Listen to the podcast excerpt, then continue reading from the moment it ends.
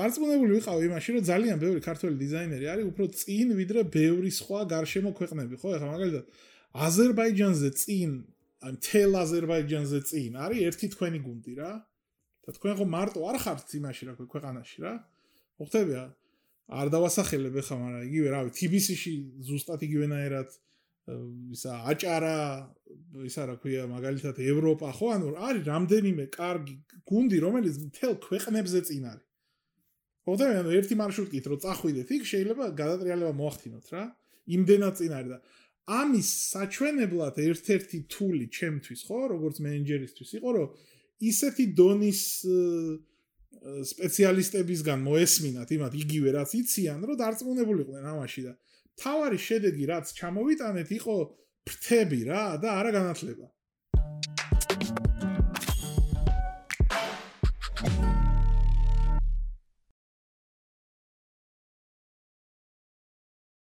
მოგესალმებით, ეს არის Design Cast-ის მე-13 ეპიზოდი, ისევ ტრადიციულად ტატოსთან ერთად. გამარჯობა, გამარჯობა ხალხო. აა დღევანდელი ეპიზოდი არის სანამ მაგას ვიტყოდი, აი მაისურები გვაქვს უკვე დიზაინ კასტის. ესეც ესეც და ამჩნევდით. კი, კი ბატონო. აა დღევანდელი ეპიზოდი არის ალბათ ყველაზე დიდი ნოყიერი ეპიზოდი ყველა ეპიზოდს შორის, იმიტომ რომ ძალიან საინტერესო სტუმარი გვყავს დღეს გადაცემაში. და ისევ როგორც აღვნიშნეთ წინა ეპიზოდშიც ეს რაღაცნაირად ვირტუალურად გადავერთეთ ასეთი ამ ტიპის რუბრიკაში. სანამ უშუალოდ დავიწყებდეთ და გაგაცნობდეთ დღევანდელი ეპიზოდის სტუმარს მანამდე ნუ ვთქვათ რომ ჩვენი პარტნიორია საქართველოს ბანკი. როგორ ჩაჯდება იქ? ლოგო მარჯვნივ ეს რაღაცნაირად კარგად დაგვამახსოვრდა და დღევანდელი ეპიზოდის სტუმარი არის დავით ბირმანი, ექსპერიას პარტნიორი და თანადამფუძნებელი. სალამი დავით. სალამი, მოგესალმებით. მოგესალმებით. როგორ ხარ? სპორტულად, სპორტულად, ესე იგი. დროისა და ჟამის შესაძერისად. ჩვენიერი, ჩვენიერი. ძალიან კარგი, მადლობა რომ დრო გამონახეთ და ესე ვახერხებთ რაღაცა. პირას ძალიან მარტივი აღმოჩნდა დროის გამონახვა, ესე იგი თავარია მაყურებელი რომელ დღეს გვიყურებს, მაგრამ ჩვენ მოკლედ კვირას გამოვნახეთ ამ საქმისთვის დრო. კი ბატონო, უშუალოდ კითხვაზე გადავალთ ხა ძალიან საინტერესო ეპიზოდი გამო როგორც თქვი და მგონი კი ბატონო რა მე მე დავიწყებ. ან პირველი დაახლოებით მოყვეთ აი დღეს რა საქმიანობ, ყოველდღიურობა როგორია თქვენი და ნელ-ნელა მე გავყვეთ რა. ეს გამიხედვით. დღეს ხა როგორც ვახსენეთ, ესე იგი ექსპერიას პარტნიორი ვარ, ექსპერია გავაკეთეთ რამდენიმე ადამიანმა, რომელიც მათ შორის საქართველოს ბანკიდანაც წამოვედით თავის დროზე. აა ვაკეთებთ ციფრული ტრანსფორმაციის კონსალტინგს, ანუ ისეთი ტერმინია, რომ ესე იგი ყველა მაგას გაიძახის და ამ დროს ესე იგი მრავალ მნიშვნელობა მრავალ მნიშვნელობას აინჭებს. აა ვეხმარებით ბანკებს და სხვა კომპანიებს, ესე იგი დიჯიტალის აწყობაში, პროდუქტების დახვეწაში, მათ შორის UX-ისაც, მათ შორის product development-ის პროცესის და ასე შემდეგ. არა მხოლოდ საქართველოში, აზერბაიჯანში და კიდე რამდენიმე, ესე იგი, დამუშავებაშია რამდენიმე პროექტი.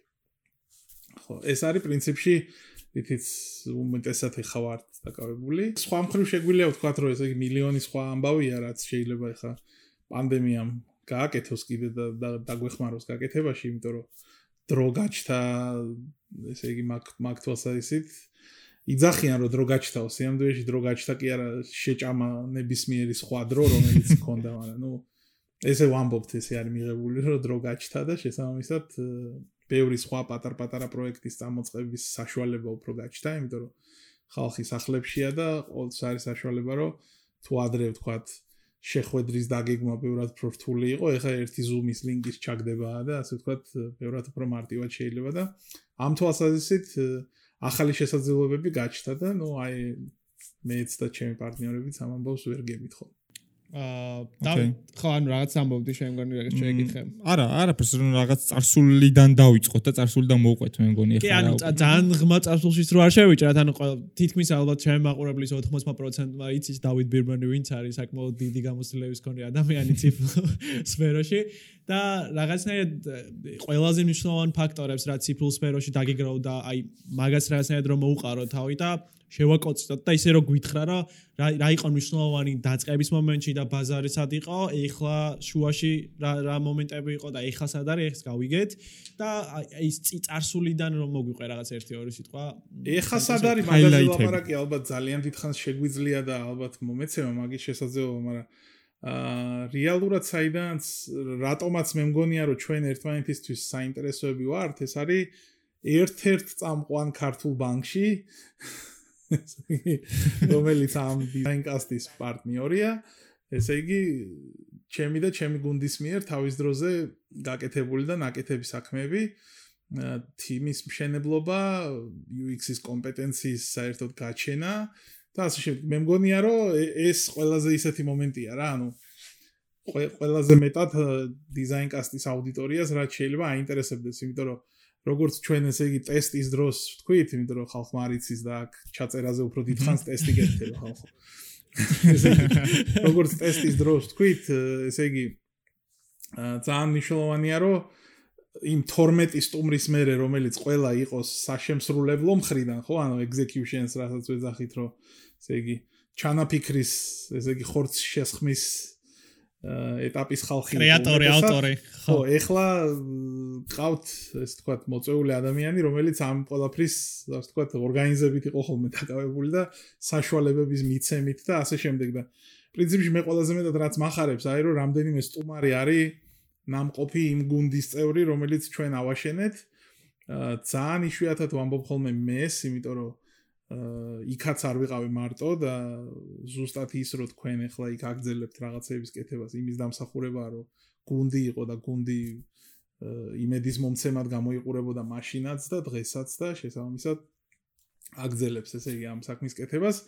აა ალბათ ყველაზე საინტერესო მომენტი ხო მოკლედ ეს არის და აქ შეიძლება გავიხსენოთ ესე იგი 2000 ხო აი როგორ ხდებოდა როგორ რა პროცესები იყო ეგენი ვისაუბრეთ. ხო, როგორ არის, იცი, ძალიან საინტერესო აა არის იმ თვალსაზრისით, რომ დღევანდე მე კასტებს უყურებდი თქვენსაც რა, თავიდან უსმენდი და მე უყურებდი და შესაბამისად უკვე ჩთებოდა გაშლილი სუფრის შტაბეჭდილება რა, ანუ ხალხი როგორც მოცემულობას ისეღებულობს იმას, რომ ბანკში დიზაინის თიმი უნდა არსებობდეს, კი ბატონო, რომ ესე იგი დიზაინერებისთვისაც პრინციპში ბანკი ერთ-ერთი საინტერესო ის არის რა ქვია სამუშაო ადგილი რომ ეს არ არის რაღაც მოსაწყენი თავის ჩამოსახჩობი.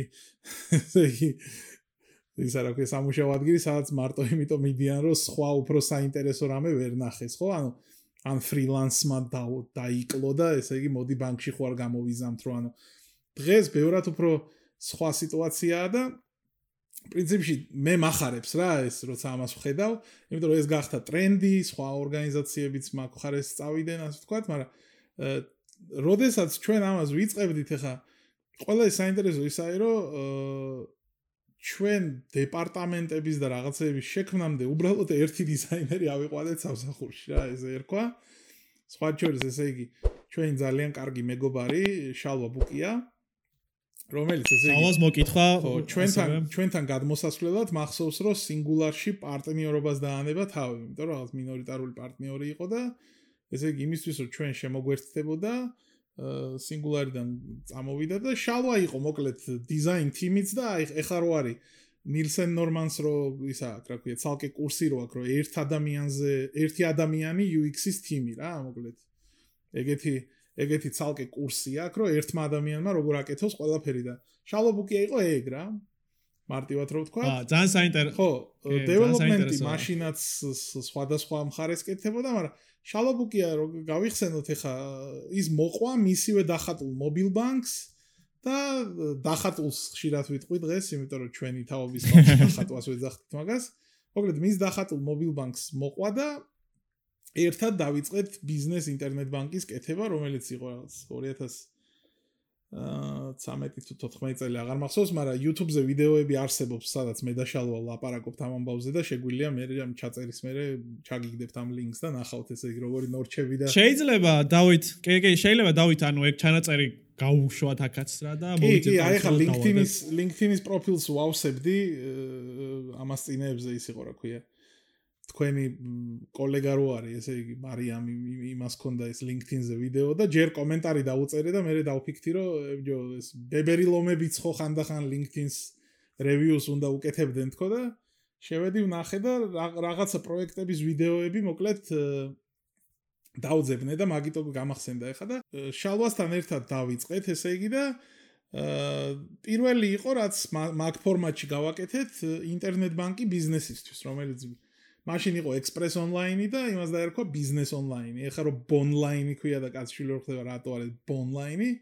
e online და b online არსებობდა რა, ორი ორი ის უნდა ყოფილიყო რა ქვია ინტერნეტ ბანკი და მოკლედ გაკეთდა business online, მე გაკეთდა express online და ეს ყველაფერი წარმოიდგინეთ კეთდება მარკეტინგში. ანუ მარკეტინგში ზის დიზაინერი შალვა ზივართ რამდენიმე ადამიანი რომელიც digital marketing-ით ვართ დაკავებული, ანუ უმეტესად ესე იგი სოციმედიაში იმებს რა ქვია აქციებს ვაკეთებთ და თამაშების შეკვეთით ვართ დაკავებული ხან სინგულარისთვის და ხან ვისთვის და მოკლედ აი ამ პირობებში ყავს ესე იგი პროექტები ვებ პროექტების მენეჯერი ანა იგივე სარა რომელიც მოსაყვანია თქვენთან ესე იგი საიუბილეო გადაცემაში და ესე იგი 1000 დოლარის აუცილებლად 1000 დოლარის ეს სპონსორდები არის დასახარჯი მაგ ვიდეოზე რომ ესე იგი მთელმა მსოფლიომ ნახოს, იმიტომ რომ ყველაზე ჭtildeან მომუშავე ადამიანების რეიტინგში პირველია თემოს უსწრებს, ესე იგი თემო ხო საერთოდ ჭtildeან ხანდახან ესე იგი D ვიტამინის ნაკლებობა ისე იქნება გამოდის ჭtildeან ხო. ხო, ხო და მოკლედ აი ესე დავიწყეთ, აი ეს 2-3 კაცი და ყავდა ხოლმე ყოველთვის სოციმედია მენეჯერი, ანუ page admin-ი, ანუ რავი SMM-შიცა თუ SMM-ში კი აი აი ამ შემადგენლობით რაღაცებს მოკლედ ვაკეთებდით და ხან Facebook-ის თამაშებს ვაკეთებდით, ხან იმას და ხან ამას და. მოკლედ მოკლედ ძალიან მნიშვნელოვანი არის რომ ორგანიზაციები სხვადასხვანაირია, ხო? არის ორგანიზაცია, სადაც ესე იგი თანამშრომლები იმაზე ფიქრობენ რომ რასაც დაავალებენ ის შეასრულონ კარგად, მაგრამ ჩვენ ახლა იმ დროს რა რა ორგანიზაციაშიც ვიყავით, ყველა 팀ში იყო ხალხი, რომელიც ამ ინიციატივებს გამოთქვამდა დღეში სამს რა და როგორც კი შეატყეს რომ მარკეტინგში გაჩნდა კიდე ერთი კომპეტენცია, ესე იგი რომ აა სურვილი აქვს იმ ხალხს მოკლედ ამ ინიციატივებს ხორცი შეასხას და რაღაცები აკეთოს, მოკლედ ბევრი ეგეთი საინტერესო პროექტი წამოვიდა რა. მათ შორის ახლა ერთ-ერთი იყო რომ ბიზნეს ნიდი იყო ორგანიზაციაში რომ მაგალითად Paybox-ის ინტერფეისი გადაწერილიყო, იმიტომ რომ soft-ის upgrade უნდა მოხდარიყო და აი ერთი ეგეთი პროექტი გაკეთდა. ნუ ინტერნეტ ბანკები იმდენი ვაკეთეთ რომ მოკლედ რეკორდები გვაქვს მოხსნილი მაგ საკითხში რა ანუ ყოველ იმაზე თითო ინტერნეტ ბანკს ვაკეთებდით რა ხო და ხუთი ხუთი დაგროვდა ინტერნეტი და მობაილ ბანკი ჯამში რაც ვაკეთეთ იქ ყოფნის დროს რა ხო და მოკლედ ამან გააჩინა მე უკვე მოთხოვნა დიზაინზე ჯერ ეს იყო მხოლოდ დიზაინზე იქ არ იყო საერთოდ UX UI გაყოფილი კვლევა ხო საერთოდ არ არსებობდა კვლევა იყო რომ ბანკომატს დაგვიდგავდა ჩვენივე თანამშრომელი ესე იგი ფოიეში და ჩვენ თვითონ რაღაცებს ვაწვებოდით. ან Paybox-ი იდგა IT-ში მაგალითად და იქ რაღაცებს ვაწვებოდით. აი ეს იყო კვლევა რა. ხო და აა ესე მივედით იმ კონდიციამდე, როცა ნუ შალვაც გაიზარდა ეხა ამ ამბებიდან აღარ უნდა და მარტო ერთი მის ერთ ბრენდზე ორიენტაცია ზოგადად ყოველთვის პრობლემაა ხოლმე დიზაინერებისთვის და მოგეხსენებათ.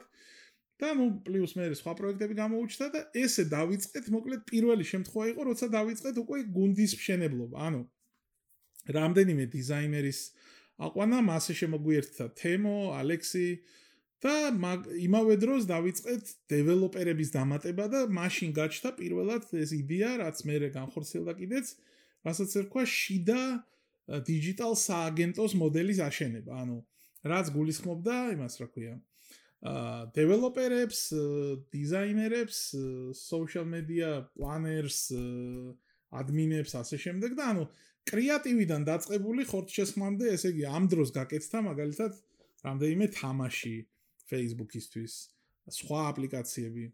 დავით ის რო აღნიშნოთ რომ ანუ ამ დროს ორგანიზაციაზე ზოგადად სხვა ორგანიზაციებში იყო მოკლედ დამოკიდებულება ეგეთი რომ ვენდორ ვენდორ აკეთებდნენ ძირითადად ყავდათ ეს გამოყოფილი B2B მოდელით ყავდათ სააგენტოები და in-house კულტურა არ იყო ესე კარგად ესე ვთქვათ მოთელი მოთელილი. რა ხო ამ სიტყვას გამოვიყენებ. ხო და ეს in-house მეთოდიკა დანერგეთ მოკლედ და შემოიყვანეთ ეს ყველა კრეატორი რაც იყო დეველოპერი დიზაინერი და აბსოლუტურად ყველა მიმართულების ადამიანი. ხო ამას ამას ვამბობთ ხაზ ხაზი რო გავუსვათ ამ ყველაფერს რომ ანუ ადრესი იყო ეხლა ესე არის რომ in-house-ად უფრო მეტია ადამიანი ვიდრე ვენდორები როგორ არის იცი რომ ეს თან ეხლა არ მინდა ისე გამოჩნდეს თითქოს მარტო დიჯიტალში იყო ეს ამბავი. ეს იყო მარკეტინგის მაშინდელი დეპარტამენტი ბრენდის მართვის დეპარტამენტი ერქვა კულტურა რა ანუ in-house-ური იმიტომ რომ იმ დროს ბაზარზე ესე იგი კონკურენტულ უპირატესობად ითვლებოდა სიჩქარე. ანუ იყო მომენტი, როცა 2, 3, 4 დღეში კამპანიის გაკეთება და ეთერში გაგდება იყო უფრო მნიშვნელოვანი, ვიდრე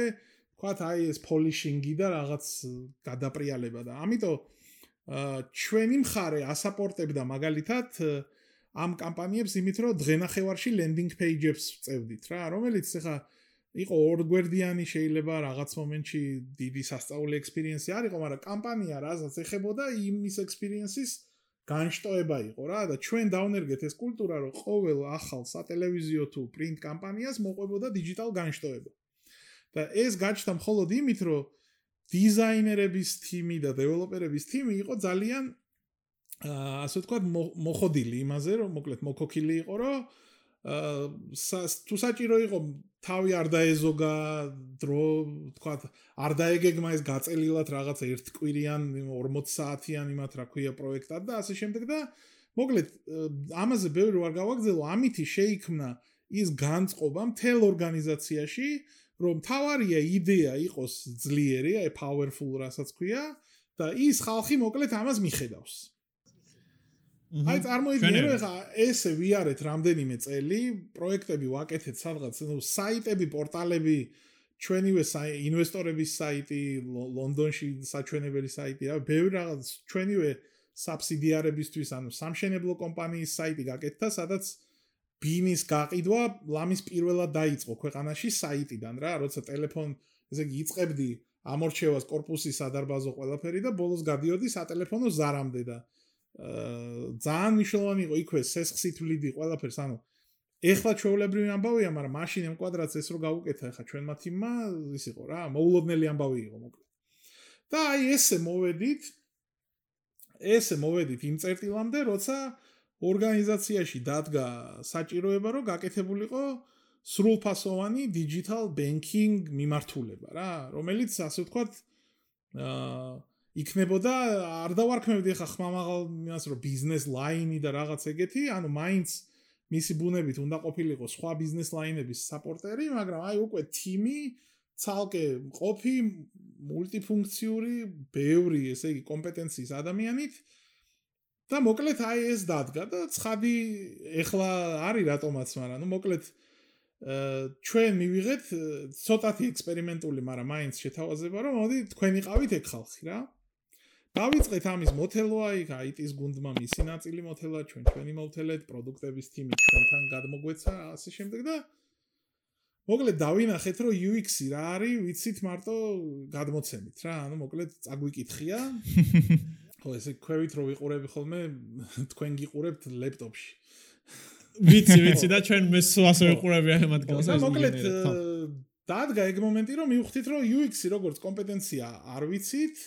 ანუ არ გვაქვს დიზაინერების დონეზე ვიცით რომ ყველა საინტერესებს, ყველა სტატიები ნაკითხი აქვს, მაგრამ ნუ აი არ ვიცით რა რა უყოთ და ამ დროს გასატანია ეხა ეს პროექტი იმაზე რა ქვია, სამეთვალყურეო საბჭოზე, სადაც ესე იგი თითო ადამიანის საშუალო შეწონილი სტაჟი არის 40 წელი.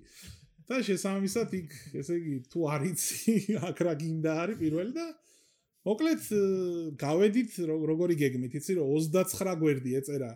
დედას ფიცა ვარ შენ მიმიშვი და მე ყველაფერს ვიზამ. და ერთი გვერდი ეწერა რომ UX-ი ძმებო არ ვიცით. ხო ნუ აი არ მოგვეხსენება რა არის რა ანუ. და მოკლედ ესე იგი მივედით აი ესეთი პირდაპირ ოღონდ ეს ის დრო არის როცა სხვა ასევე წამყვან ქართულ ბანკში UX-ის აუთსორსი ხდება ინგლისში რა, ანუ იქ იქ აკეთებენ ამ საქმეს და ანუ შესაბამისად ეგ მოდელი რო არსებობს, მაგის ჩვენი დაცვა არ ჭირდებოდა მოკლედ მაგ მოდელს, იმიტომ რომ ის არის რა ქვია. შესაძლებელი იყო მოკლედ და ვიცით რომ ნუ კი, fine რა, ოღონდ ეს დროა, როცა ის არის რა ქვია, არც ინგლისში ესე არ არ დადიან რა, მოკლედ ყოველწუთას და მოკლედ აი ამ მოცემულობით შევდივართ, ესე იგი, ბორდზე და ნუ აი ვიძახი ეგეთ statements-ი სლაიდები გადაიფურცლა და და მივედით იმ სლაიდამდე, სადაც არის ეგ statement-ი, რომ იცით რა, არ ვიცით. და ნუ მაშინ მოხდა ესე იგი მოთხოვნა რომ უნდა გავაჩინოთ ახლა ეს კომპეტენცია რა ხო დავით აი როგორც ახსენე მოკლედ ეს სტეიკჰოლდერებთან და მიხვედით კონკრეტულად ადამიანებთან და უთხარით აი ის ის კეთება არ ვიცით და რაღაცა და აი როგორ გაგრძელდა ეს ფორმაცია ანუ როგორ დააკომპლექტეთ საბოლოო ჯამში რაღაც დიზაინერთა ჯგუფი UX თიმი და რაღაც ამ მიმართულებით როგორ განვითარდა საინტერესო იქნება ამის უშუალო პროცესების მოსმენა. ხო რა არის? იცი ხა მან ერთი იყო რომ ჩვენ ვთქვით რომ ესე იგი არ ვიცით მაგრამ მეორე იყო რომ ისიც ვთქვით რის გაკეთება გვინდა რა ანუ თავარი ჩვენი გეგმა მაშინაც იყო რომ გაგვეჩინა ეს კომპეტენცია ანუ დაგვეფინანსებინა ასე ვთქვათ კომპეტენცია და ის დიზაინერები, რომლებიც უკვე ყავდა გუნჩი, იმ იმ დიზაინერებისთვის, ესე იგი, მიგვეცა შესაძლებლობა, რომ ეს ეს სწავლათ, მათ შორის არა მარტო დიზაინერებისთვის, არამედ ესე იგი, ამ გუნდის ლიდებისთვისაც და შესაბამისად, ესე იგი, თემოს, ეს იყო რა ქვია, პადაჩა, რომ MNG-ის ანუ ნილსენ ნორმანის ტრენინგებზე დავიწყეთ ჩაწერა კურსებზე უფრო სწორად რა კონფერენციაზე ძახდნენ ინგლისს.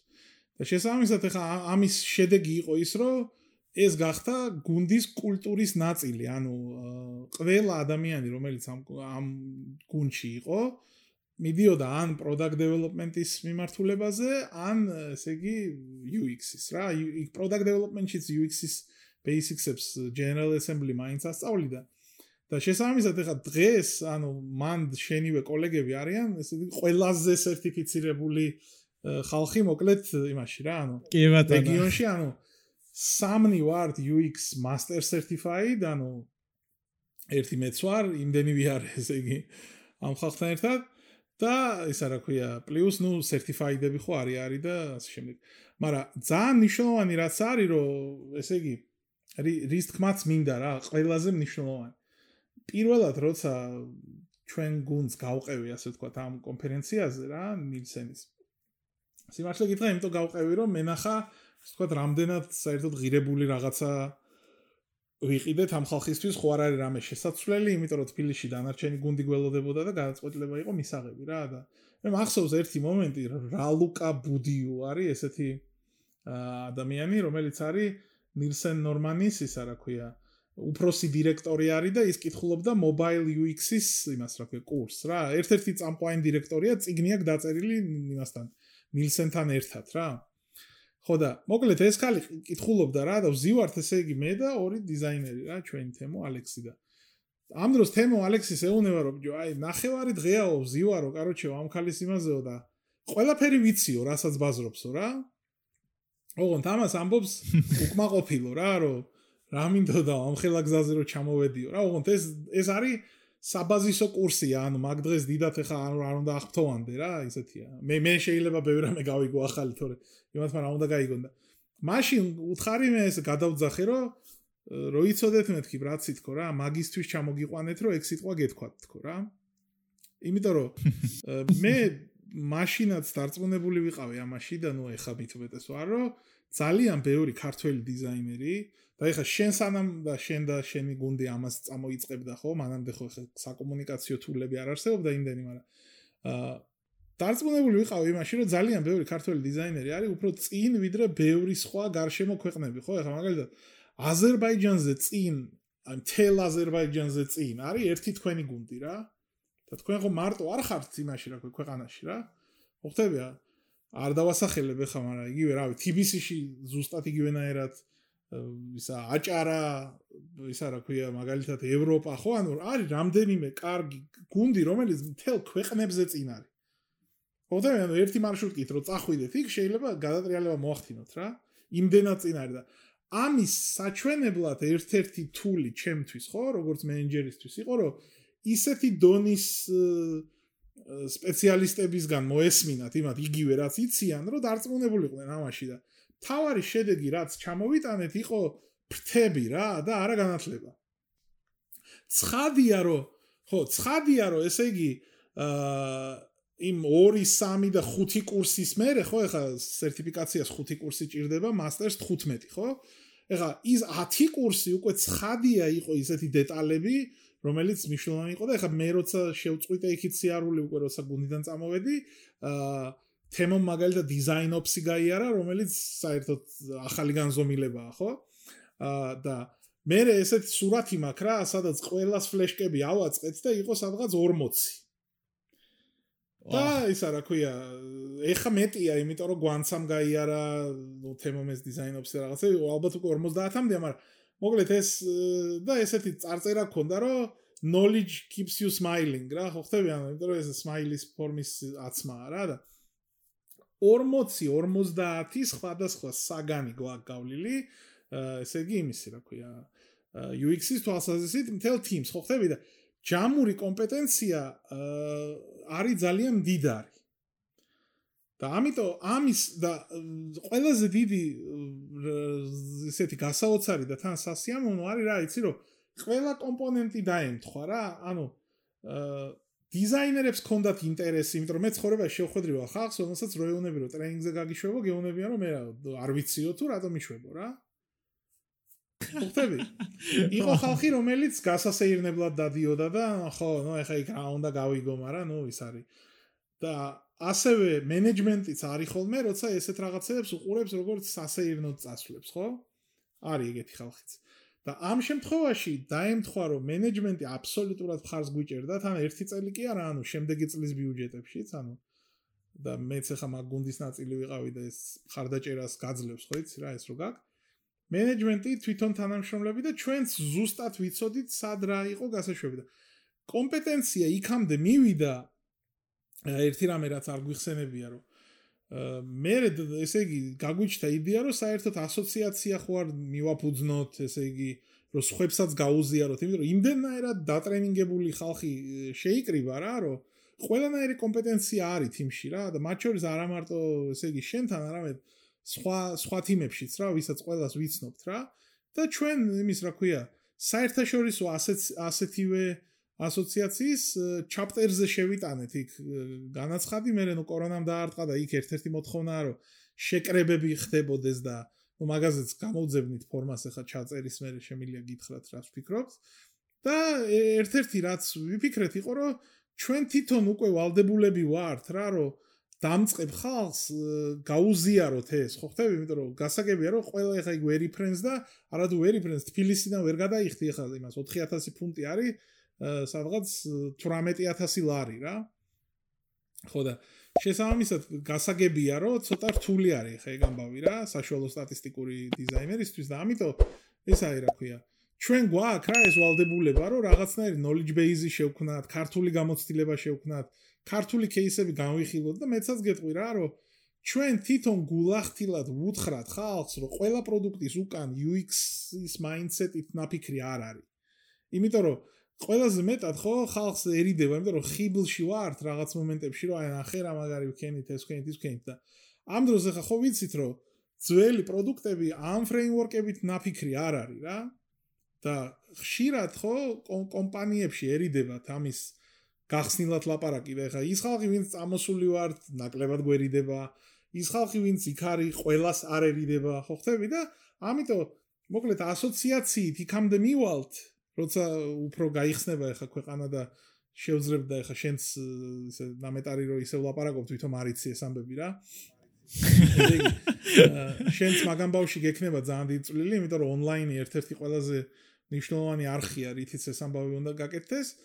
აა იქ დიზაინერები დიზაინერებს უნდა ელაპარაკონ, ანუ ჩემნაირი ხალხი იქ ჩუმად უნდა იждდეს ხოლმე და უნდა ორგანიზოს ესე იგი საქმე, მაგრამ ის რო ესე იგი ბევრად უფრო advanced დიზაინერებმა და ამწყებ დიზაინერებს ფეხზე დაყენების საშუალება მეტი მისცენ, ამას აუცილებლად გავაკეთებთ რა, იმიტომ რომ მე მგონია რომ ის იდეა რაც გავაჟღერე რა, ან გავაჟღერე ან მე გაჟღერდება, არ ვიცი, მაგრამ ყოველ შემთხვევაში ის ის იდეა რაც ამ ამ ჩანაწერში აუცილებლად გაჟღერდება რომ ესე იგი UX-ი უნდა იცოდეს ყველამ ხო?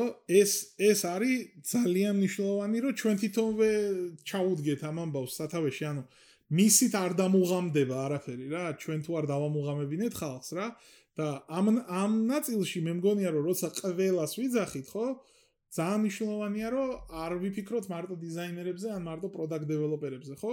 ანუ ზოგადი მენეჯერებიც უნდა ჩავრთოთ და საერთოდ მომიჯნავე პროფესიების ხალხი. ამიტომ მე მგონია რომ მაგნაწილში ყველაფერი იქნება ესე იგი კარგად და ბევრი რამე იქნება წინ კიდე საინტერესო რა.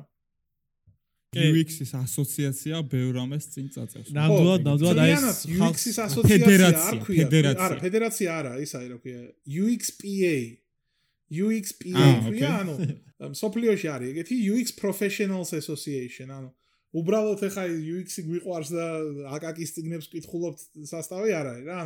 პროფესიონალთა ასოციაციაა და ამ ასოციაციას ბარემ 1-2 სიტყვას სერიოზულადაც ვიტყვი, ესე იგი ამ ასოციაციას აქვს მისი ძალიან ბევრი დოკუმენტაცია, მისი მასალები, ანუ არ არიან მარტო ნილსენის იმედად და ამავე ასოციაციას, რაც კიდე ძალიან საინტერესო რამე აქვს, არის რომ UX UX-ით დაკავებული სააგენტოების ქსელიც აქვს, ანუ მარტო ფიზიკური პირები არ არის აუცილებელი რომ ამის წევრები იყვნენ, შეიძლება ორგანიზაციები, კომპანიები, სააგენტოები იყვნენ რა ამის წევრები და ნიშნავანი რატო არის ეს? იმიტომ რომ თუ სიტყვაზე რომელიმე ქართულ სააგენტოს აქვს რამე პროექტი, რომელიც უცხოეთში შეიძლება რომ გამოადგეს, ან რამე საერთაშორისო ბრენდის მიდის მუშაობა, რომელსაც სხვა ქვეყნებში თქვა აქვს ხო ნაკეთები.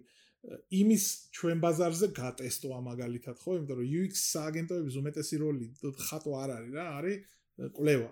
და შესაბამისად ის არა ქვია იმის გატესტვა ქართულ ბაზარზე მათ შორის. და ბევრი ესეთი პატარ-პატარა თემები ხო ამ ქსელის საშუალებით ბევრად უფრო მოქნილად იქნება შესაძლებელი და ხელმისაწვდომი რა. და ამას ჯერ ახლა ბევრამეს ვფიქრობთ ბევრამეზე დამუშავების სტადიაშია დაფუძნებული უკვე ლამის 1 წელია არის, მაგრამ არ გამოგვიტანია ასე ვთქვათ ღია კომუნიკაციაში, იმიტომ რომ ესე იგი ვთვლით, რომ დიზაინერები მომთხოვნი ხალხია და შესაბამისად სანახევროდ გაკეთებული პროდუქტით არ უნდა წარდგე და ამიტომ ბევრ რამეს ესე იგი ვამუშავებთ და როცა ამას გავაკეთებთ, მე რეცხადია რომ უკვე სხვა შემართებით. კი, აუცილებლად გაჟღერდება დიზაინ კაში, რა თქმა უნდა და ძალიან მაგარი ინიციატივა, აუცილებლად ამის ირგვლივ აპდეიტები იქნება.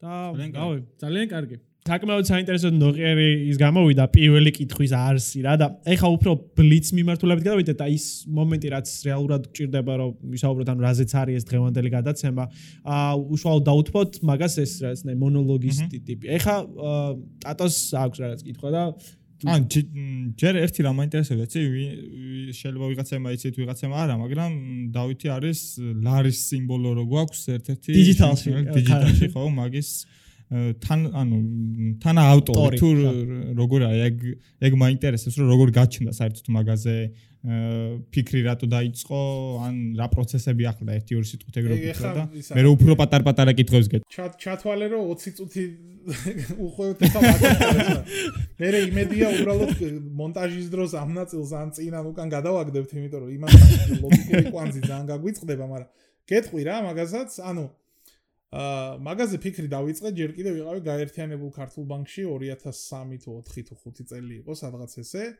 უბრალოდ ბანკირებისთვის ახლა თქვენ არ ვიცი რამდენად მაგითი დამძიმებულები ხართ ამ ცხოვრებაში, მაგრამ ბანკირები მოკლედ ეროვნულ ბანკს უყურებენ ძალიან ისე რუდუნებით, სისათუთით და რაღაც როგორც რაღაცას ცალკე მყოფ დიდ ისეთ ორგანიზაციას. და ამიტომ ახლა მე ჩემთვის ფიქრები დავიწყე, ჩანახატი გავაკეთე, ჩემი მაშინ მარკეტინგის ჰედი ვიყავი იქ და ისა მარკეტინგის განყოფილების უფროსი უბრალოდ და აა ჩვენივე დიზაინერთან ერთად ჩანახატი გავაკეთეთ და მე ფურცელზე დავკაწრე მაშინ კორელი იყო და ჯერ არ არ ვიცოდი. ეხა კორელი ვიცი, ესე იგი იმდენად დინოზავრი ადამიანი ვარ, რომ კორელი ვიცი. ხო და ესე იგი მოკლედ დავხატეთ და ნუ ეს თაროზე შემოიდო რა და გია ქადაგიძე რო გახდა ეროვნული ბანკის პრეზიდენტი, მე და გია ESM-ლები ვართ, ერთი კურსით გამოსხავდებით და ნუ ისაა რა. ეს ბარიერი, გონებრივი ბარიერი მოკლედ დამიმთავრდა რა და შესაბამისად იქ სწორი ხალხი მოიძებნა რომ ეროვნული დაგვეინტერესებინა ამ ამბით მოკლედ რომ აი ლარის ნიშანი ხომ არ გავაკეთოთ და მოკლედ რატო არ ახლა თანაავტორი მაგამდე მივალთ რა. გამოაცხადა ეროვნულმა კონკურსი მე ცხადია შევიტანე პირველივე დღეს. ხო ალექს უკიასოვი დავიხმარე იმიტომ რომ ჩემი შინაგანი პერფექციონისტი მეუნებოდა რომ ესე იგი შენი დაკაწრული ქორელი არ უნდა იყოს და შესაბამისად მე და ალიკამ შევიტანეთ ესე იგი და გონია რომ ის არის რა მშვიდობა გვაქვს რა მოკლედ. იმიტომ რომ ის არის ხა ჩვენ 15 წელია ვფიქრობთ და ამ დროს ხალხი ამ ერთ თვეში რას იზამს ხო? და ამ დროს ესე იგი არიქა და ესე იგი დაღონებული ხმით გვირეკავენ ეროვნულის კომისიიდან და გვეუბნებიან რომ იცი რა პრობლემა გვაქვს რა და უნდა მოხვიდეო და მივდივარ და აღმოჩნდა რომ 17 ნამუშევარია შესული და ყველა არის ერთი და იგივე იდეა. ანუ ერთკბილიანი ლასი ორი ჩამოსმული ხაზით ხდება სამკბილიანი ლასი და რა ვქნათო ეხლა დავიღუპეთო. და ამ დროს ეხლა მე ხვდები ესენი იმიტომ მეუნებიან რომ ხა შენი ის იყო რა ინიციატივა მოხდილი პროცესი და შენ შენ ზარალობდა. მე ვთხარ რომ პირველად საქართველოსში რაღაცაზე 17 ადამიანმა ერთი და იგივე აზრი გამოთქვა თქო რა და რა და რამდა გაღონათ გაიხარეთ მეთქი რა და ყველა შევიკრიბეთ მოკლედ და ეროვნულიც რომ მიხვდა რომ შვიდობაა 17 კაცს გადმოგცეს ისა რა ქვია აა ეს ისა რა ქვია თანაავტორობის ტიტული და მე მე ესე იგი ჩემი ნაწილი რითიც დავიკომპენსირე ასე ვთქვათ რომ ჩემი წვლილი კიდევ უფრო შემეტანა მე ესე იგი ინსტრუქცია გააკეთა ეროვნულმა ბანკმა რომელიც მე დავწერე. ესე იგი ეს ლარის ნიშანი როგორ უნდა ყოფილიყო რა უნდა ყოფილიყო და ნუ იქ რამდენიმე ქვეყნის მაგალითი გავარჩიეთ ასე შემდეგ და ამაზე ბევრი დრო რო არ დაგაკარგინოთ ვიტყვი რომ ეს იყო საუკეთესო ისა რა ქვია საუკეთესო საუკეთესო პროექტი აი სხვა ქვეყნებში რო ნახოთ რა როგორ დაინერგა ეს. მასობრივი და ყველაზე სწრაფი დანერგვის თვალსაზრისით ეს იყო საუკეთესო პროექტი. ანუ ასე სწრაფად რომ ერს აეტაცებინოს და დანერგილიყოს ეგეთი მეორე არ ყოფილა რა. ანუ ძალიან ხო ძალიან საამაყვარი მაგნაწილში იმიტომ რომ ეს არ დარჩა თაროზე ეს არ იყო დიზაინერების კერძო ინიციატივა, ანუ მოკლედ ყველაფერი მოხდა იდეალურად, ანუ არც თავრობას მოუხვევია თავს, არც დიზაინერებს რაღაც რებელობა არაუტეხიათ, არც არა, ყველამ ყველაფერი ისექნა, როგორც საჭირო იყო და მოკლედ აი იდეალურად გამოვიდა რა. კი, კი, ანუ აი თან გიასაც ძალიან უხაროდა რომ ამ ამის გაკეთების შესაძლებლობა ქონდა, ანუ ლარის ბანკნოტების რედიზაინიც მის დროს მოხდა და მოკლედ მისთვისაც საინტერესო იყო ეს თემა. მე იქ იყო ეროვნულ ბანკს CEO წავს პრეზიდენტის გარდა, რომელიც ახლა დღეს გური შენი კოლეგაა, იქ ესე იგი ბანკში მუშაობს, ანუ იქით არის გადმოსული. აი ის კიდე ნანა, ანუ აი რამდენიმე ადამიანი იყო, საერთოდ სხვანაირად გავიცანი რა იქ ხალხი, იმიტომ რომ აა ძალიან აღმოჩნდა, რომ მოკლედ აღმოჩნდა, რომ ძალიან აა ასევე ინიციატივებით სავსე ხალხი არის შეკრებილი, იმიტომ რომ ეროვნულ ბანკს ცოტა სხვანაირი იმიჯი აქვს რა გარედან და ინიციატივებით სავსე ხალხი იყო. მე მე 2 თუ 3 წელი ვიმუშავე ბანკნოტების და მონეტების კომისია იყო, სადაც საიუბილეო მონეტებს ვარჩევდით, ან დიზაინს და მე დახვეწაც ხდებოდა, სხვა შორის ძალიან რთული არის, რომ კომისიით არჩეული დიზაინი მე აღარ შეგილია რომ შეცვალო რა და ფაქტიურად ყოველთვის გინდა რომ შეცვალო და ну აი ძალიან ისეთი ის იყო პროცესი, მაგრამ ძალიან ნაყოფიერად რამდენიმე ძალიან კაი მონეტა გამოვიდა მაგ კოოპერაციით, ანუ დიზაინერიც ძალიან კარგი გოგოა რომელიც ესე იგი რამდენიმე ჯერ მოიგო კონკურსი და აი ძალიან გვიხარია რომ ეგ დიზაინერი არსებობს საერთო ქვეყანაში. ეხა უშუალოდ ერთი ძალიან ისეთი კითხვა მინდა რაც შეიძლება ყველაზე გაცვეთილია მაგრამ ყველაზე კარგი პასუხი ალბათ რომ შეიძლება გეკუთვნოდეს. იმისთვის რომ კარგი პროდუქტები შექმნა რა არის ყველაზე ისეთი მთავარი კომპონენტი რა ანუ საიდან უნდა დაიწყო ანუ ამაზეც რაღაცნაირად საბოლოო ჯამში მოკლე პასუხამდე არ მივიდეთ, მაგრამ ის ფაზები რო გამოყოთ ყველაზე მნიშვნელოვნად რაც საჭიროა, რომ აი დაუდოთ საუკეთესო MVP, არა, ესე არა, ანუ მომხარებელობა გამოიყენოს და first impression-ი კონდეს ისეთი, რომ ვახ, რა კარგი რაღაცა არის. იმის გარდა რომ ბიზნეს მოდელი როგორ არის წარმოებული, ნებისმიერ ამ ბავში რო გამოიყვანო. კი ბატონო, კი, ესე გაგიკვირდება ისეთ მოკლე პასუხს გაგცემ რა. აა ესე იგი ორი ორი მნიშვნელოვანი რამეა რა, რაც უნდა გავითვალისწინოთ, ესე ორს ვამბობ და თურმე კამერაში არ ჩანს. ორი მნიშვნელოვანი რამეა. ესე იგი პირველი ეს არის იუზერი. ანუ იუზერის გარეშე პროდუქტის შექმნა, ესე იგი ძალიან ესეთი არასასიამოვნო ჩვევაა რა კორპორატიულ სამყაროში. და მეორე არის ბიზნესი.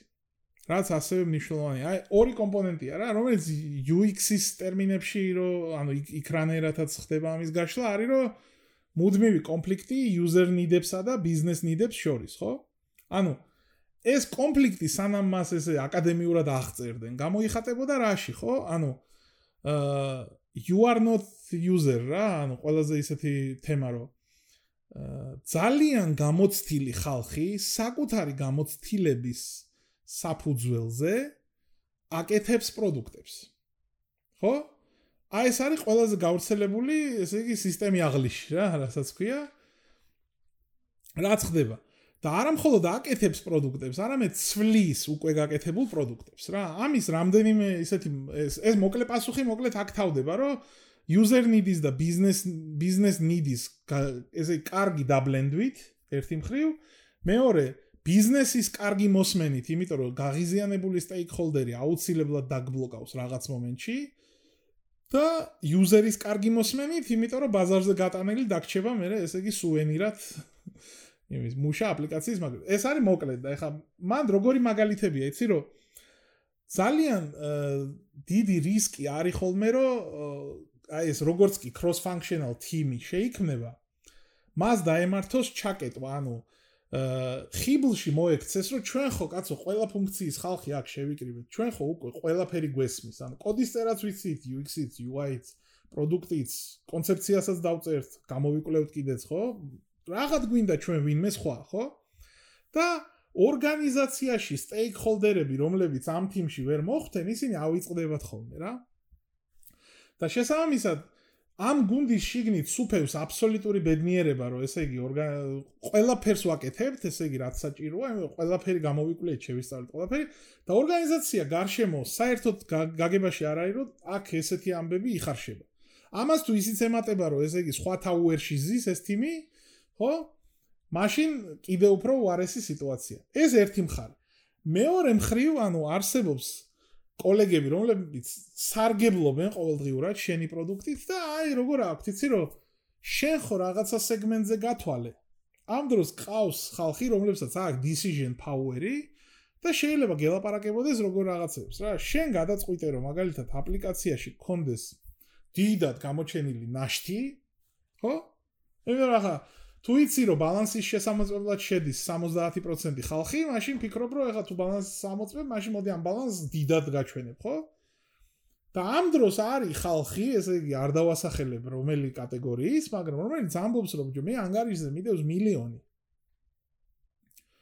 და ამ დროს მობილბანკი უნდა ვაჩვენო გარშემო ხალხს, იმიტომ რომ ის ვარ რა, ელჩი ვარ ჩემი ორგანიზაციის რა, ერთ-ერთი, ვინც უნდა აპრომოუშენოს, ხო? და მე ამ მილიონს ესე რომ გადავატარებ იმას, რა ქვია, ყოველას რომ ვაჩვენებ, არ მაწყობს, ხო ხტები?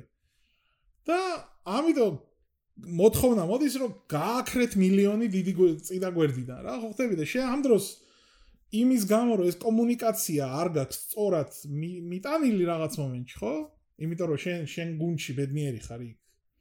ხო ხტები? შენ გეუცხოვება ეს მოთხოვნა. ხო და ამ დროს ახლა მე ხო ხვდები რომ ისიც მართალია შენც მართალი ხარ ისიც მართალია ანუ მოკლედ რო ვთქვათ კარგი პროდუქტი ყოველთვის არის სტეიქჰოლდერების ინტერესების სწორად გათვალისწინება user needs და business needs გადაკვეთის ერთიანობაში რა. ანუ არ დავჩაგროთ ანუ ხო ანუ რეალურად მან მონოტონიურად ან რაღაცა დომინანტურად პირიქით ანუ რაღაცნაირად არ უნდა გავხოთ მეც მეც მაღაზიაზე ვარ და გეთახმები აბსოლუტურად. ანუ თუნდაც ის რომ აი ვიღაცას მილიარდი აქვს ანგარიზე და ისიც არ უნდა დაიჩაგროს რა. მილიარდი ნაკლებია. მილიონი ხო ანუ მილიონი ანგარიზე და ისიც არ უნდა დაიჩაგროს რა თქმა უნდა რა. ეგ ძალიან პრიორიტეტულად მნიშვნელოვანია რომ ეგეც რაღაც ნაწილად user needs არის stakeholders needs არის რომ აი მოიტანოს და თქვას რომ იმ ადამიანებს რა მოთხოვნების ჰარმონია უნდა შექმნას. ხო რა, ნამდვილად ეგრე არის და პლუს მაგას აი ეგოებით არ უნდა ითამაშონ რა. ანუ ხო. ხო, მან დეხა რა არის იცი ეგ ყოველთვის ძალიან კარგად იტესტება აი ეს კითხვა რა მილიონი ახლა მე ხო სამაგალითოდ თქვი რა მაინდა მაინც მილიონი არ არის ანუ დიდი დიდი თანხა მოკლედ და ძალიან კარგად იტესტება ხოლმე როცა ამზადებენ სკრინშოტს App Store-ისთვის რა ანუ რა თანხა დაუწეროთ იმაში რა ქვია შემოს იმაში ჩემ აქტივებში ანაბრებში ვალდებულებებში ანუ აი რამდენი ვაჩვენოთ ანუ ის პერსონა როგორი არის და რამდენი აქვს იმას ანუ ხო ხტები ეხა ადრე როცა პერსონებით მსჯელობა არ ხდებოდა განთავსების წინა დღეს ხდებოდა იმაზე ფიქრი რომ ბიჭო ეს რიცხვი მე მგონი არარეალურია რა ხო ხტები და ეხა გასაგებია რომ პერსონებით როცა ფიქრობ წინასწარ იცი რა რა სამყაროში ყოფი ადამიანისთვის ხატავ მაგრამ ეს როგეს მოდეს რა სანამ აი ამ დახვეწილ სტრუქტურამდე მოვედით მოკლედ არსებობდა სხვანაირი რომელიც ამბობდა რომ ის არის რა ქვია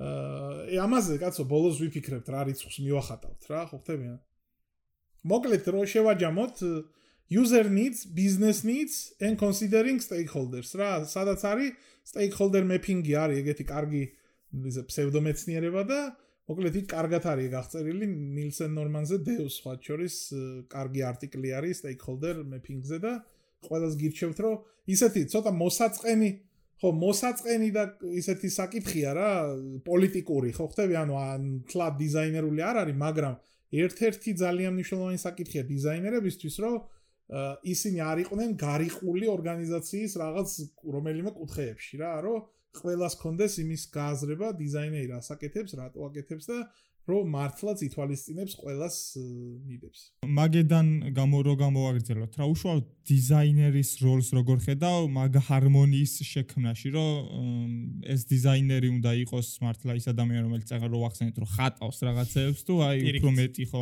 უფრო მეტი ინიციატივა და თავის თავზე უფრო მეტი რაღაცები უნდა აიღოს. რა არის იცი ჩვენ გუნჩი იქაც და მას მე ხა მე აღარ დამიწყია ჩემ ბიოგრაფიაში ჩაღრმავება მაგრამ აზერბაიჯანში ერთი წელი ვიმუშავე, მათ შორის digital banking-ის კეთებაზე და იქაც უკრაინაში ყავდა საერთოდ დიზაინერები და სიმართლე გითხრა, აი თქვენი გუნდის, ესე იგი, ჩემთვის ნაცნობ წევრებთან მუშაობას რო შევადარე იქაური მუშაობა რა, მთავარი არის რომ დიზაინერი არ იყოს რეზისტენტული. ანუ თუ დიზაინერმა ჩათვალა რომ მის გარშემო არიან იდიოტები, ჩათვალე რომ არაფერი არ გამოვა.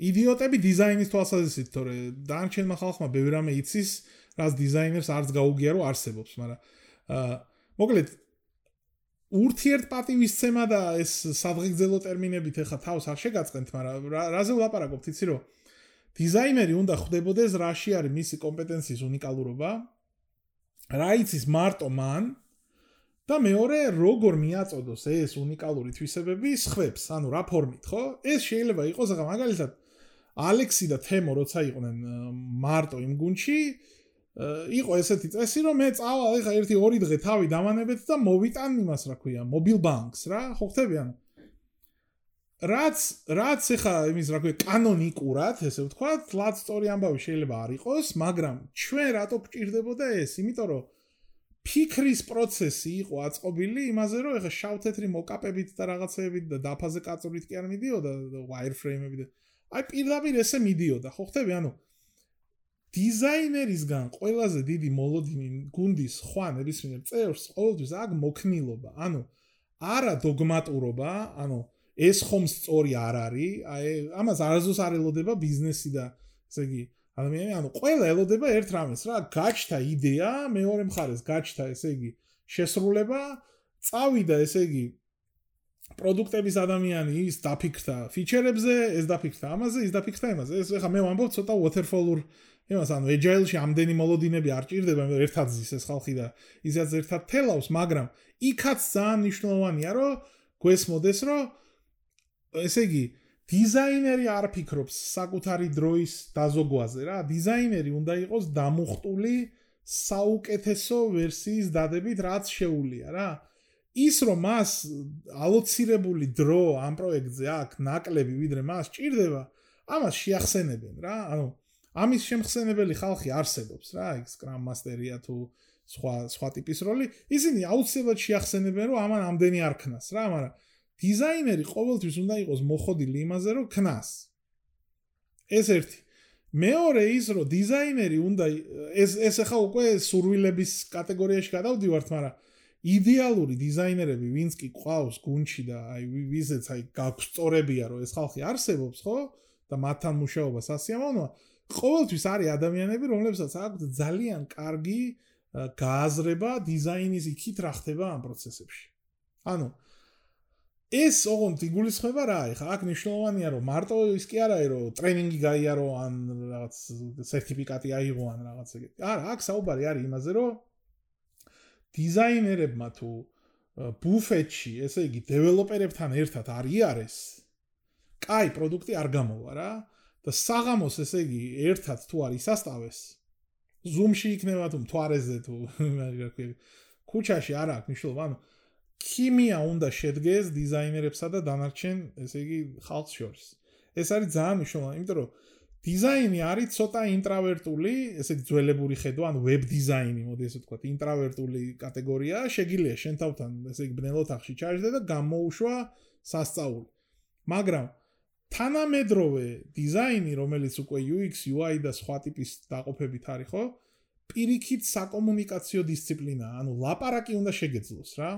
ну ყური რომ უნდა კონდეს მინიმუმ 1-ე კარგია, მაგრამ ლაპარაკიც უნდა შეგეძლოს. ანუ მაღალი ემოციური ინტელექტი ასევე, ანუ შენიშვნებმა არ უნდა აგიწიოს წნევა, იმიტომ რომ ესე იგი ყველა ადამიანი ერთ ერთი სკოლიდან არ არის გამოსული, ყველას ესე იგი მისი ისა, რა ქვია, მისი ნერვიულობებით მოვიდა ამ კონკრეტულ მომენტამდე და ეს უნდა გვესმოდეს. ანუ ხალხი, რომლებიც გამოთქვამს აზრს, შეიძლება მათი ესე იგი საუკეთესო უნარია აზრის გამოთქმა და იციან ფაფუკი ესე იგი რბილი ქსოვილების დაგება რომ მე ზე ისე დაგანარცხონ რომ შენ არ გეტკინოს, მაგრამ უმეტესმა ხალხმა ეს არ იცის. ამიტომ ხალხი ხო უნდა გვესმოდეს ახლა ადამიანი ზის მისთვის და ელოდება შენგან რაღაცას, ხო? შენ მოიტანე იმას მის გონკებში, ესე იგი იმედი გაუცრუვდა და ამ იმედგაცრუების, ესე იგი, რას გონზე, ასე ვთქვათ, ხო? აკრეფილზე მოდის და შენ გიზიარებს ფიდბექს.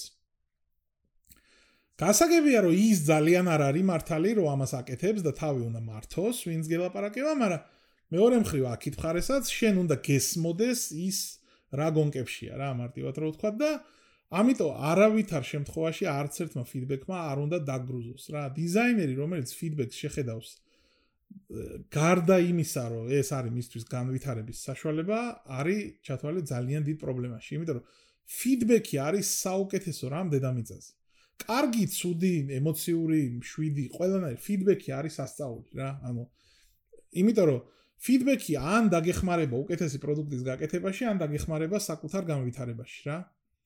ამის გარეშე ანდაც დაგაზარალებს, ან დავით სორი რა გაწყვეტინე, ანდაც დაგაზარალებს, ანუ ფიდბექის მიღების კულტურა ხო ცალკე არის კიდე რა. არა, გავიგე, მაგრამ თუ დაგაზარალა, ესე იგი შენ დიზაინერი არ ხარ, ესე იგი შენ ხარ ხელოვანი, ანუ UX დიზაინერი ან UI დიზაინერი არის საკომუნიკაციო დისციპლინა. ის უნდა ელაპარაკოს სხვა მომიჯნავე პროფესიებს რა. თუ მას უნდა რომ იყოს უბრალოდ დიზაინერი, მაშინ ესე იგი აკეთებს საკუთარ სტუდიას, ართმევს ოჯახის წევრებს ფულს, იმიტომ რომ მისი ფული მაგდენი არ ექნება.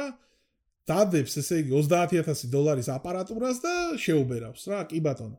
ყველა სხვა შემთხვევაში საურთიერთოა ხალხთან და უნდა ილაპარაკოს ხალხთან. საუკეთესო მაგალითები არსებობს, როცა დიზაინერები ესე იგი მხოლოდ იმიტომ ვერ აღწევდნენ წარმატებას, რომ კომუნიკაციაში ქონდათ ხარვეზები. სახელებს უნდა მასახელებინებთ, ზოგს იცნობთ.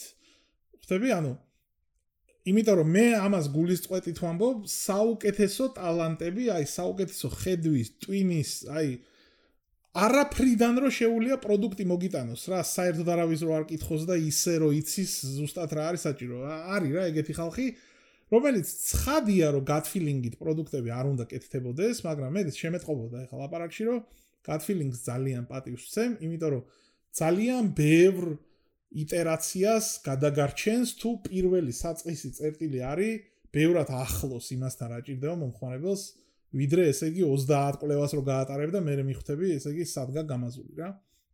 ხო, მოკლედ კი კი, ანუ მაგას ვიტყვი. როგორც დაკმილდით, მოკლე პასუხი იყო 20 წუთიანი რა. კი, ანუ დავით ზუსტად მაგით დავიწყოთ ვიდეო ძალიან კაი პოინტი. კი, ანუ შეიძლება, კი, ანუ კარგი პოინტი იყო. სუპერ დიზაინერსაც ვქნით ამ პოინტებით, ანუ სხვა სტუმრებსაც ვკითხეთ და რაღაცნაირად საბოლოო ჯამში манифестივით გვექნება რა. მე ერთი გადაცემა, ერთი გადაცემა და ცალკედაც გვექნება რა კი манифестი და საინტერესო იქნება რა. ხო, ეხლა შემდეგ რაღაც agile-იც ვახსენეთ, waterfall waterfall-იც ვახსენეთ და საინტერესოა ამაზე შენ შენეული აზრი, როგორ ფიქრობ? ანუ waterfall-ი თუ agile-ი, აქ უკვე agile იმარჯვებს, მაგრამ agile-საც აქვს რაღაცა pros და cons-ი რა.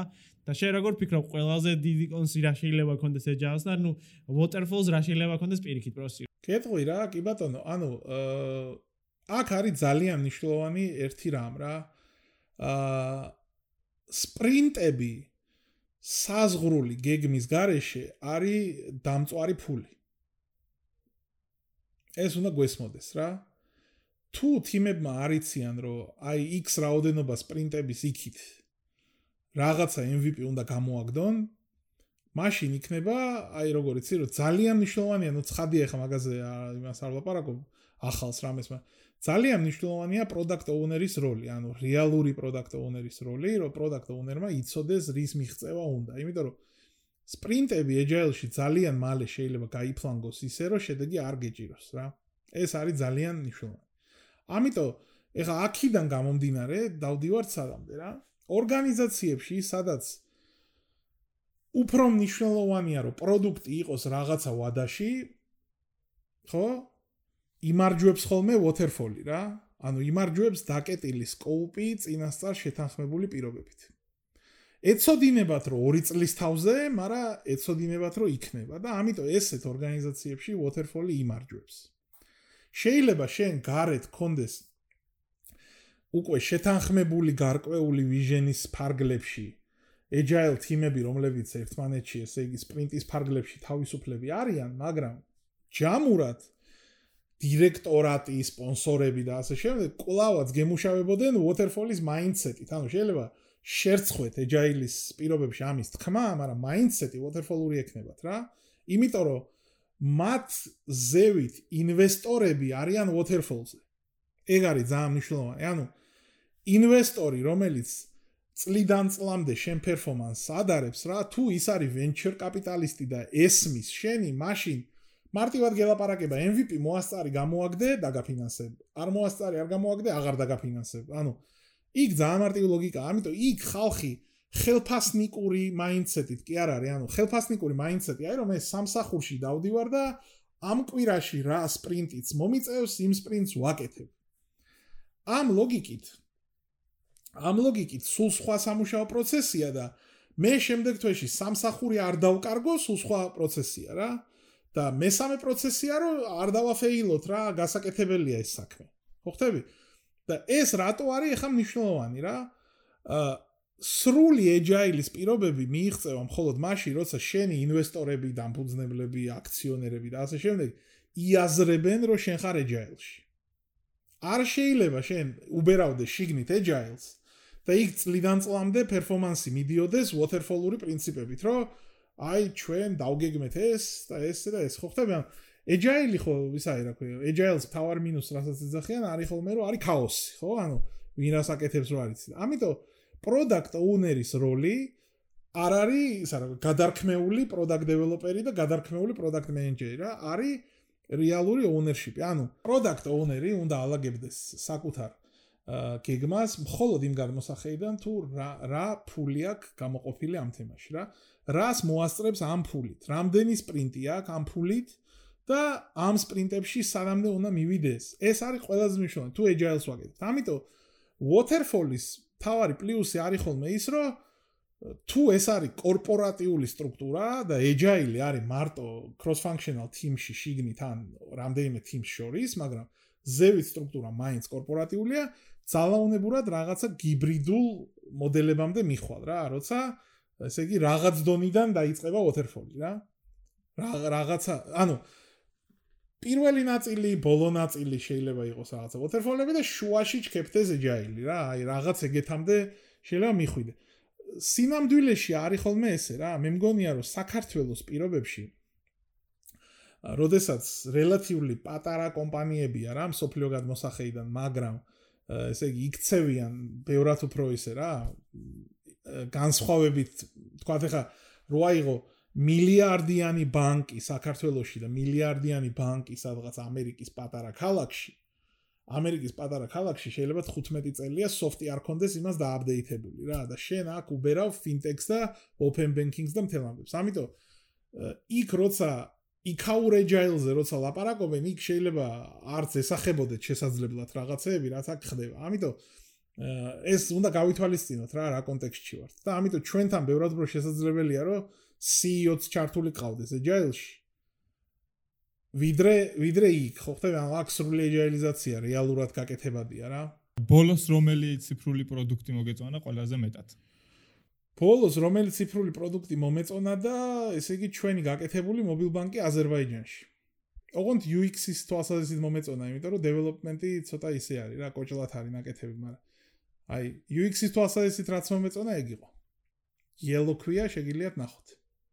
კი, აუცილებლად ის ინტერფეისი ჩავსავთ, ხო, დავლინკავთ და ინტერფეისს ჩავსავთ რაღაც მარტივად. რაღაცა სკრინშოტები მაქვს ძველი, სკრინშოტები კი არა და ისე რა, მოკაფე. ოკეი. აა მე მე რაც მაინტერესებს არის ციფრული პროდუქტი, რომელსაც ყოველდღიურობაში იყენებ და ანუ საყვარელი პროდუქტი. ჯერ ქართული ვარიანტი მითხარი, რა გაქვს და რატო იყენებ ეგეც და მე რა უცხოურზე გადავიდეთ. აა ბატონო, ესე იგი დესკტოპზე მაქვს სადღაც 40 40 პროდუქტი, იმიტომ რომ ეს დიდი დიდი ტაფა მაქვს რა ესეთი და მოკლედ რა ქართულებში აა მოიტანე და ელვისის ამბებში ახლა ელვის მეორე ტელეფონზე ვტესტავ, მაგრამ სავარაუდოდ ეგ იქნება. აა ესე იგი ბანკების აპლიკაციები რამდენიმე ცხადია. ესე იგი ყველაზე ხშირი მათ შორის ესე იგი ჩვენივე გაკეთებული, იმიტომ რომ ძირითადი ანგარიშები და რაღაცები იქ არის კლავაც. აა უცხოურებში Facebook-ი, Messenger-ი, WhatsApp-ები, ორი ცალი, ესე იგი Gmail-ი, YouTube-ი, YouTube-ზე ის ვარ, რა ქვია, პრემიუმ subscriber-ი. აა ისეთი ეგზოტიკური პროდუქტებიც მაქვს, როგორც არის ინდური ზოხო მეილი, იმიტომ რომ ტესტავთ რაღაცები, რაღაც რაღაცებისთვის. ზოჰოს enterprise package-ი გეკნება ალბათ საუბრობთ. ხო რა, Xperia-ში ავიღეთ ზოხო, იმიტომ რომ ჩემს ესე იგი სხვა იმაში რა ქვია, სტარტაპს, სტარტაპი ვითუყურებთ, დომენების სტარტაპში იქ გვაქვს ესე იგი მეილების რამდენიმე ოფცია რა, რაც მომხმარებელმა შეიძლება იყიდოს და ზოხოსაც ტესტავთ იმისთვის, რომ თუ ივარგა მე ხალხში ვთავაზობთ რა იმიტომ რომ იაფია ბევრად. ხო პრინციპში ეგენია რა ქრომი ცხადია. ყველაზე საყვარელი რომელია დავით? ანუ ყველაზე საყვარელში გულისხმობ იმას რომ აი რაღაცა მაგ აპლიკაციაში ხა მესმის რომ messenger შეიძლება რაღაცა მოგწონდეს facebook-ში რაღაცა მოგწონდეს კიდე და ყველაზე მეტად ამ აპლიკაციებიდან ყველაზე კარგი flow რას აქვს და რატო იყენებ მაგალითად აპლიკაციას თუდაც ერთი რომ რა არის იცი ამათში ერთადერთი რომელიც ესე იგი რომლის გაკეთებასთანაც შეხება მაქვს არის ისა რა M-Bank და შესაბამისად ეხა საყვარელს თუ ლაპარაკობთ M-Bank-ია რა იქ თითო პიქსელი ესე იგი მარცხნივ რო გაუხვევს 4 ადამიანი ჩემგან ესე იგი არც ისე გაღიმებულ მესენჯერს ღებულობს ხოლმე და მაგიტო ესე იგი ეგ ეგ მაგისგან ვერ ვარ თლად ბოლომდე გათავისუფლებული რა მათ შორის ესე იგი ზოგიერთ ახალ კოლეგას გონია რომ ფიდბექს ვეუბნები და რაღაც წერენ ხოლმე რომ მადლობა ფიდბექისთვის დავით რა ის რა ის ფიდბექი მეთქი ესე იგი ოჯახის წევრი მოგმართავს ფანჯარაგა ღია დარჩენილი ხო? ფიდბექია ხო.